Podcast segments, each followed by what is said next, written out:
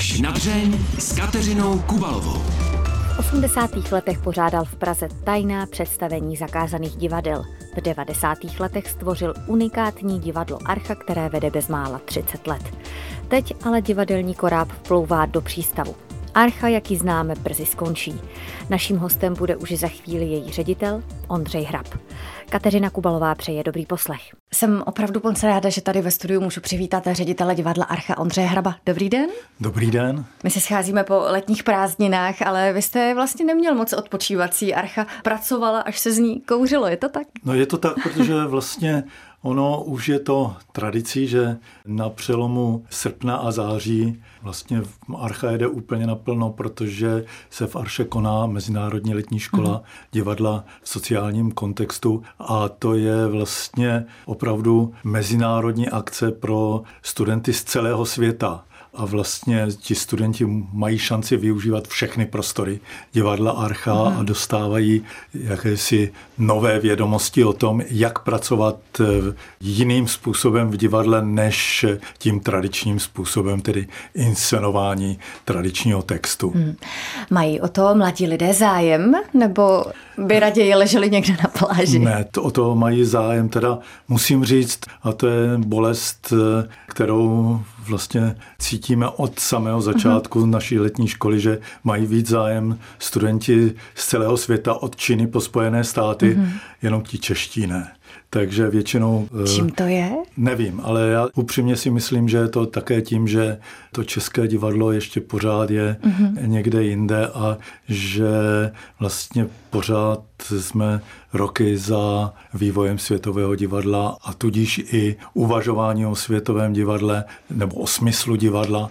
A to způsobuje to, že lidé, kteří chtějí tvořit sociálně specifická divadelní představení nebo představení dokumentárního divadla, tak eh, ti prostě se o nás dozví, i když jsou třeba v Hongkongu nebo nakonec i v Iránu, odkud jsme měli tři studenty a u nás nějak pořád ještě ta stereotypní představa o divadle i na uměleckých školách mm-hmm. přetrvává. To znamená, že nejsme jakoby moc naklonění novinkám, něčemu netradičnímu? My si myslíme, že ano. Mm-hmm. Jo? My si myslíme, že to divadlo je to, co u nás je považováno za moderní, tak eh, že je i světové, ale není to pravda. Vy jste teď na startu nové sezóny a zároveň vlastně jdete s Archou do finále, protože je to jedna z posledních vašich sezon v Arše. Jaké to je? Je to vzrušující, bych řekl. Je to vlastně něco, co zároveň zavazuje, protože Aha. ta poslední sezona... Musí být nejlepší. Musí být, nevím jestli nejlepší, ale měla by zároveň hodnotit a zároveň uh-huh. se dívat do budoucna a proto jsme ji nazvali Cornerstones of the Future, tedy základní kameny mm-hmm. budoucnosti a chceme se soustředit na ta umělecká díla, která svým způsobem profilovala archu, ale zároveň jsou tím odrazovým můstkem mm-hmm. nebo tím základním kamenem, od kterého se to divadelní umění a vůbec umění, tedy scénické umění, nebo jak se říká anglicky performing arts, odráží eh, do dalšího vývoje. To znamená, že třeba během eh, těch posledních eh, měsíců uvidí lidé v Arše věci, které třeba už dávno byly. Budete rekapitulovat, opakovat třeba Já si něco? myslím, že rekapitulovat příliš nebudeme, mm-hmm. ale spíš budeme komunikovat s umělci, mm-hmm. kteří byli a jsou důležití pro ten mm-hmm. profil archy, pro to poslání, které jsme měli od začátku a zároveň právě eh, vytvářejí neustále něco nového. Jsou prostě lidé jako třeba Wim van de Keibus, eh, vlámský choreograf, který prostě si nedá pokoj. Jo? To je, vždycky jde do rizika a to jeho představení nebo ta inscenace, kterou vytvoří, tak po každé je jiná. Říkal jste, že ta poslední sezóna je pro vás vzrušující. Není taky trochu eh, sentimentální? Já doufám, že ne.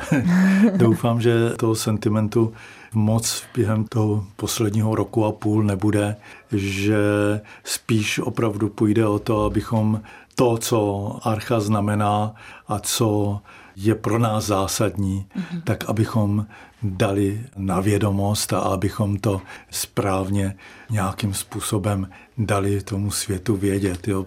Ono vlastně jde jenom o to, že skončí ta instituce v určitém prostoru, mm-hmm. ale ta myšlenka bude pokračovat dál. Jak dlouho jste vlastně rozmýšlel, že to, co jste 30 roků piplal, opravdu z úplného ničeho, najednou te, uděláte tlustou černou čáru a začnete někde jinde jinak? No ono samozřejmě to byl dlouhý proces, mm-hmm. to mhm. nebyl vůbec krátký proces a i ta transformace, myslím, je něco, co je tady tak jako vlastně se spoustou věcí, se kterou Archa přišla, je tady neobvyklá. Obvykle ředitel buď umře, anebo je vyhozený. Jo.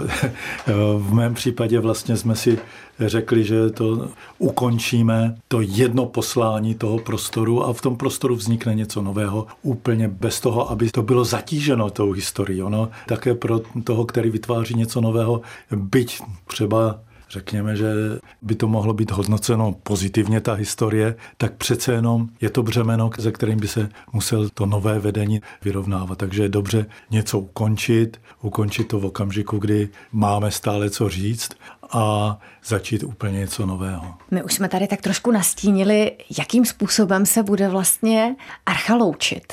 Kdy přesně tedy bude ten den D, kdy, kdy zatáhnete tu pomyslnou oponu a bude konec no, archy tak, tak, jak ji známe? Archa vlastně sice máme oponu, ale eh, prakticky neužíváme, nebo užila se za tu historii archy jenom několikrát, ale vlastně ten poslední den bude pravděpodobně někdy kolem 20.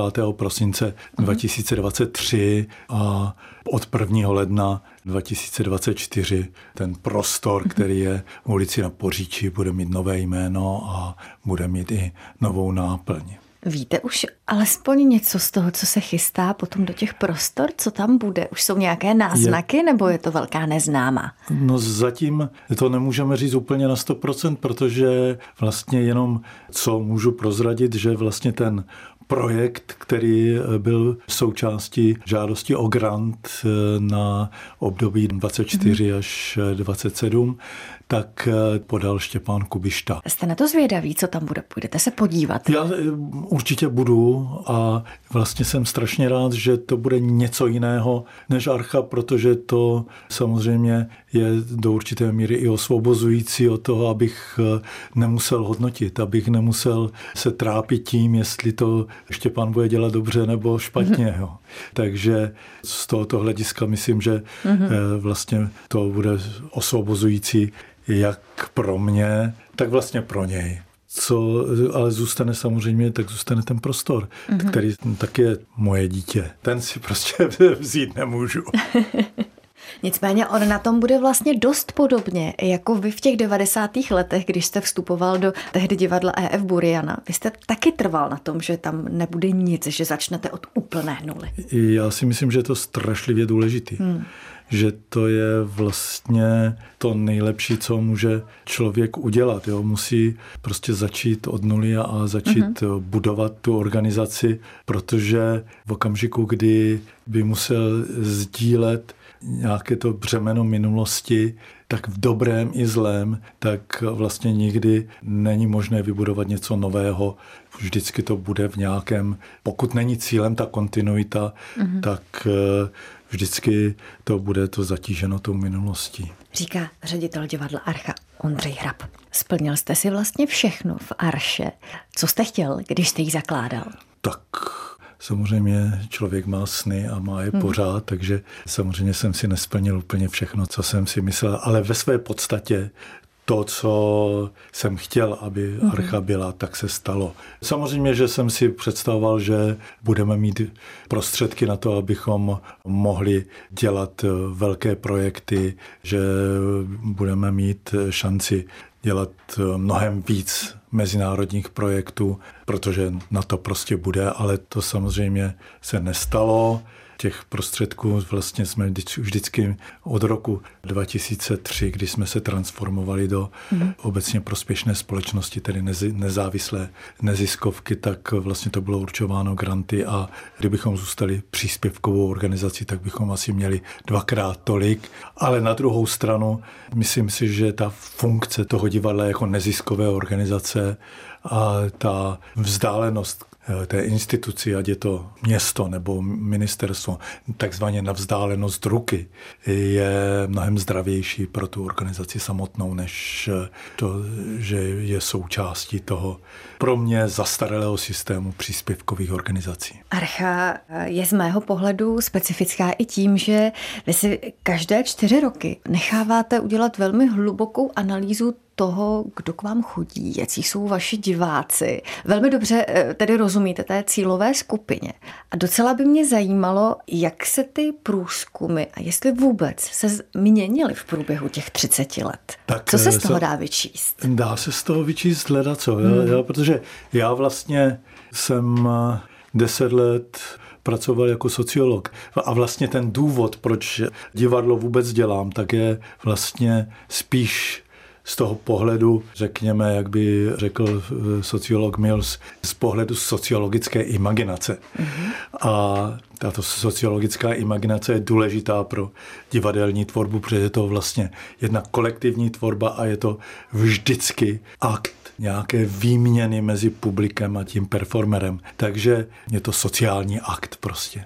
Takže z tohoto hlediska vlastně ty výzkumy pro nás byly strašlivě důležité, abychom zjistili, jestli s tím publikem skutečně komunikujeme a kdo je tím naším publikem. A ne, že bychom ho chtěli uspokojit, to publikum. To si myslím, že není úkolem vlastně těch výzkumů, abychom mhm. zjistili, co si diváci přejí a tak jim to na zlatém podnosu přineseme. Ale spíš, jaké skupině v té společnosti my sloužíme. A ukázalo se během těch 30 let, že vlastně ta skupina se definuje podobně. Jak v těch 90. letech, tak eh, teď v novém tisíciletí je to skupina lidí, kteří jsou kriticky orientovaní. Je to skupina, která je vysokoškolsky vzdělaná z velké části a je to skupina, která je ve věku od 20 do 45 let, kdy to je kdy přibližně 60% našeho publika je v této věkové kategorii. A to je dnes jako tehdy v těch 90. Mm-hmm. Takže vlastně, kdybychom to přehnali, tak dnes chodí do archy děti těch, kteří chodili v těch 90. letech a mně už se stalo, že tam nechodí ty děti, ale už, že už do archy chodí vnuci těch, kteří Aha. byli našimi věrnými diváky na začátku v těch 90. letech. A takhle nějak jste si to představoval v těch 90. letech? Ne, já jsem si nepředstavoval samozřejmě tady mhm. tohle, že to publikum vlastně se takhle bude proměňovat, ale vlastně jsem tomu rád. Co jsem si představoval, je to, co vlastně tehdy jsme si definovali jako jakési desatero a které vlastně dodržujeme dodnes. A jedna součást, jeden, myslím, čtvrtý bod toho desatera je, že divadlo má stejnou sociální jako uměleckou funkci. Ondřej Hrab, ředitel divadla Archa, který je dnes hostem pořadu až na dřeni, prapůvodně ekonom, dlouho, jak už sám říkal, pracoval jako sociolog. Vy jste měl divadlo rád už jako kluk, nebo jak jste se k němu dostal jako ekonom, který žije čísly? No, já jsem, a já to musím říct, já jsem divadlo jako kluk neměl rád, naopak. Mně to připadalo falešné, nechápal jsem, proč ti lidi na té mhm. scéně křičej, proč eh, věci, které by se měly říkat potichu, říkají tak strašlivě nahlas mm-hmm. a mhm. proč eh, ty emoce předstírají. A předstírají je tak, že jim to stejně nevěřím. Takže pro mě vlastně divadlo začalo být zajímavé až někdy v době, kdy jsem objevil, že někde jinde, tedy bohužel ne u nás, existuje úplně jiný typ divadla, mm-hmm. že vlastně existuje divadlo, které není to interpretační divadlo, které hraje mm-hmm.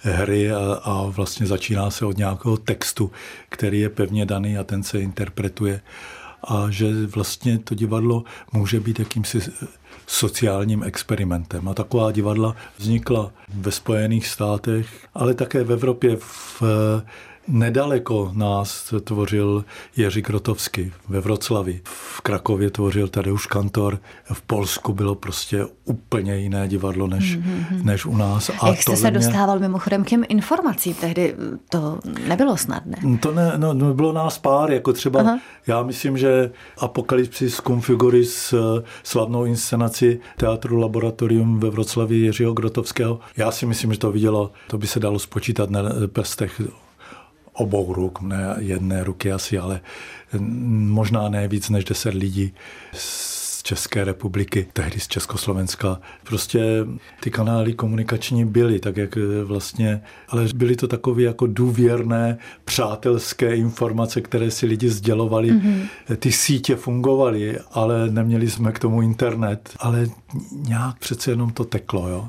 Vy jste navíc dost přispěl k tomu, aby to doteklo i k nám. Vy jste tu hmm. v 80. letech zorganizoval hned několik vystoupení, hmm. prudce utajených. Právě to do určité míry s tím souvisí, že třeba právě ten Living Theatre, když přijel do Polska, já jsem se o tom mhm. dozvěděl, tak eh, jsem se za nimi vypravil a zjistil jsem, že po cestě zpátky z Polska mají tranzit přes Československo a přes Prahu. Mají 24 hodin na to, aby projeli Československem a že to za těch 24 hodin se leda co dá stihnout.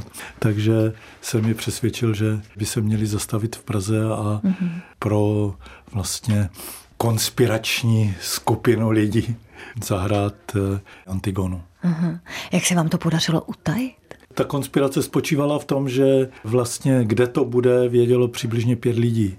Takže diváci vlastně věděli, že Living Theatre bude hrát ale nevěděli kde a věděli jenom, kde se mají sejít a potom ten jeden zasvěcený je tam dovedl jo, na, tu, na tu ořechovku. Údajně tam ti estebáci přišli dvě hodiny po tom, co už jsme byli pryč. Neměl jste strach, když jste podnikal takové věci? My jsme jako vždycky byli na to připraveni. Jo. Měli jsme heslo cukr do kapes. Člověk, aby kdyby náhodou ho zabásli, tak aby měl na těch prvních pár hodin, tak aby měl nějaký energetický zdroj, tak mít eh, trošku cukru v kapsách. Hmm. Aby... Musel jste ho někdy využít? Naštěstí ne. Když potom eh, režim padl, byla 90. léta, tak vám už bylo jasné, že tedy půjdete tím divadelním směrem a něco začnete podnikat. Toužil jsem potom, aby se to prostředí, ve kterém České divadlo bylo, Aha. aby se proměnilo.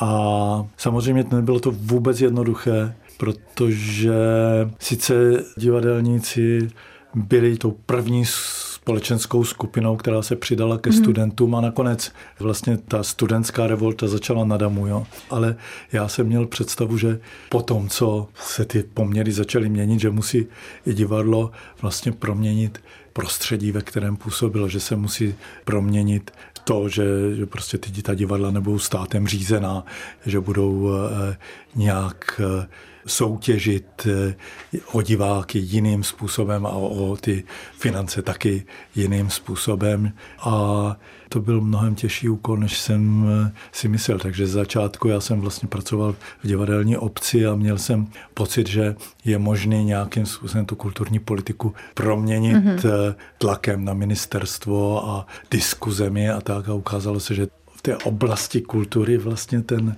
stereotyp byl možná silnější mm-hmm. než i v té ekonomice.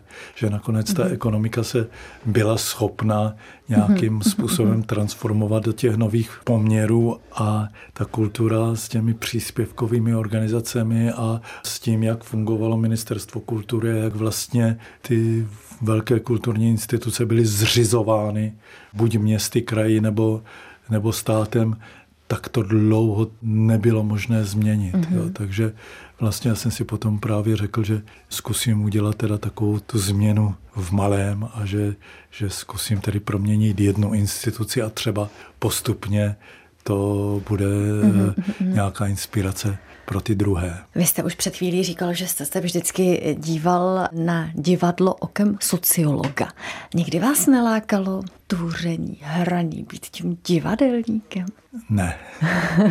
ne Stál jste vlastně vůbec někdy na jeviště, teď si uvědomuji, že vlastně nevím. Samozřejmě, mhm. že jsem eh, někdy byl donucen stát na jevišti a musel jsem se i naučit prostě mluvit k lidem ale nikdy vlastně to nebylo tak, že bych mm-hmm. toužil mít nějakou roli nebo vystoupit v nějaké nebo být součástí nějaké mhm. inscenace mm-hmm. nebo tak. Jo, to mě nikdy nelákalo.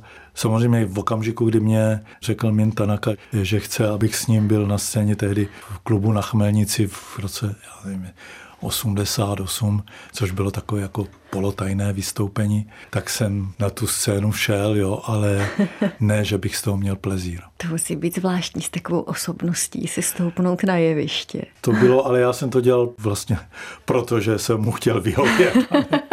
ne, že jsem to užil potom. Když jsme u těch osobností, které prošly pak i archou, byla jich celá řada.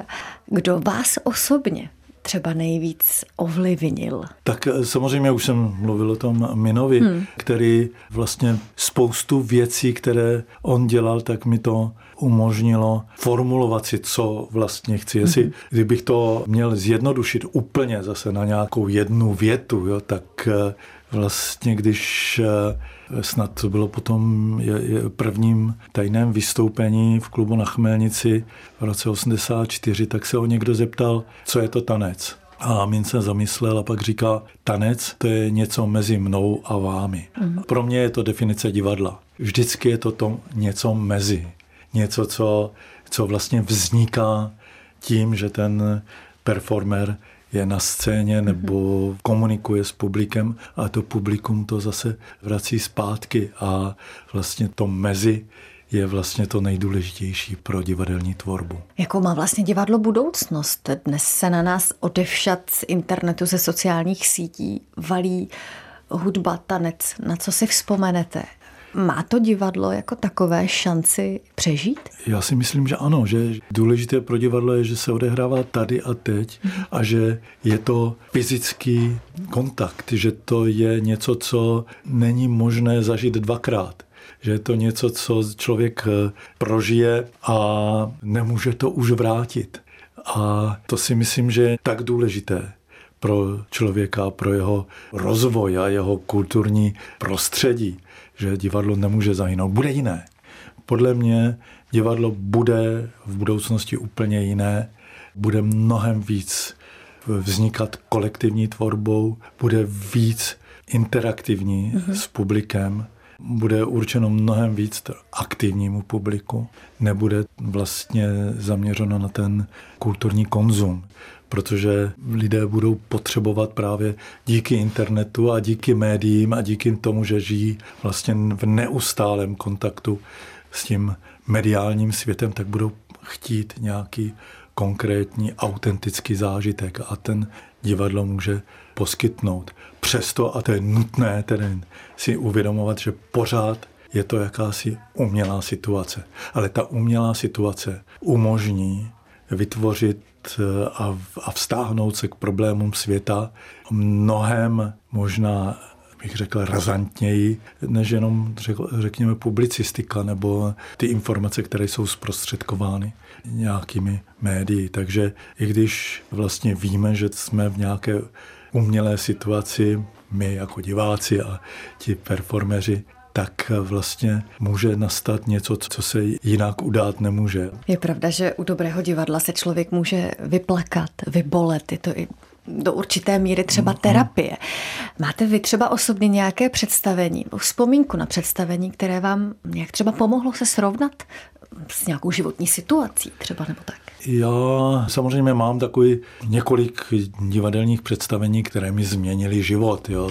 Většinou to byly náhody. Musím říct, že vlastně ty náhody hrají v mém životě dost velký význam a takže například jsem se dostal na představení Einstein on the Beach Roberta Wilsona, Phila Glase, což je vlastně dodnes považováno za jedno z nejvýznamnějších divadelních představení 20. století a dostal jsem se tam, že jsem měl to štěstí v roce 76 se dostat do Holandska, protože moje sestra se provdala do Holandska, takže jsem na dva roky dostal pas, abych ji mohl navštívit. Takže jsem ji navštívil, šel jsem kolem divadla Carré v Amsterdamu a tam byly takové dvě neznámé jména, Robert Wilson, Philip Glass, Einstein on the Beach. A nějaký pán mi říkal, nechcete lístek, tady já mám jeden volný lístek a přítelkyně nepřišla. A tak já jsem dostal lístek, vešel jsem tam a pět hodin jsem byl u vytržení a vlastně pro mě to znamenalo úplně proměnu vnímání divadla. A vlastně jsem si pamatoval z těch pěti hodin dalších 20 eh, let až do okamžiku, vlastně, kdy se mi podařilo Roberta Wilsona dovést do archy, eh, tak vlastně jsem si pamatoval každou minutu toho Aha. představení. My jsme tady na začátku mluvili o tom, co bude s archou, až skončí tak, jak ji známe. Co bude s vámi, až archa skončí? Právě jedním z těch eh, směrů, kterým se Archa vydala už v posledních 15 letech a který teďka jsme definovali tím, že jsme založili Centrum sociálně specifického a dokumentárního divadla, tak to je to, čemu se hmm. chceme s, s Janou, s mou ženou věnovat eh, dál a vlastně to rozvíjet. Chceme vlastně se víc věnovat tady tomuto typu divadla vzdělávání. Chceme eh, vlastně pokračovat v té letní škole eh, a zároveň vytvářet projekty, které jsou na pohraničí divadla a sociálního experimentu a to programování toho prostoru a to, co vlastně Archa z velké části je, tedy ten program těch 220 představení do roka. Potom se mě třeba bude stýskat, ale na druhou stranu tohle považuji za velký úkol a věřím, že je před náma dlouhá cesta. Hostem pořadu až na dřeň byl Ondřej Hrab. Já vám moc krát děkuji. Mějte se moc krásně. Naschledanou. Naschledanou. No a já už jen dodám, že pořad až na dřeni si můžete také poslechnout jako podcast. A nezapomeňte se podívat i na videozáznam z natáčení. Kateřina Kubalová se těší na slyšenou zase za týden. Mějte se krásně.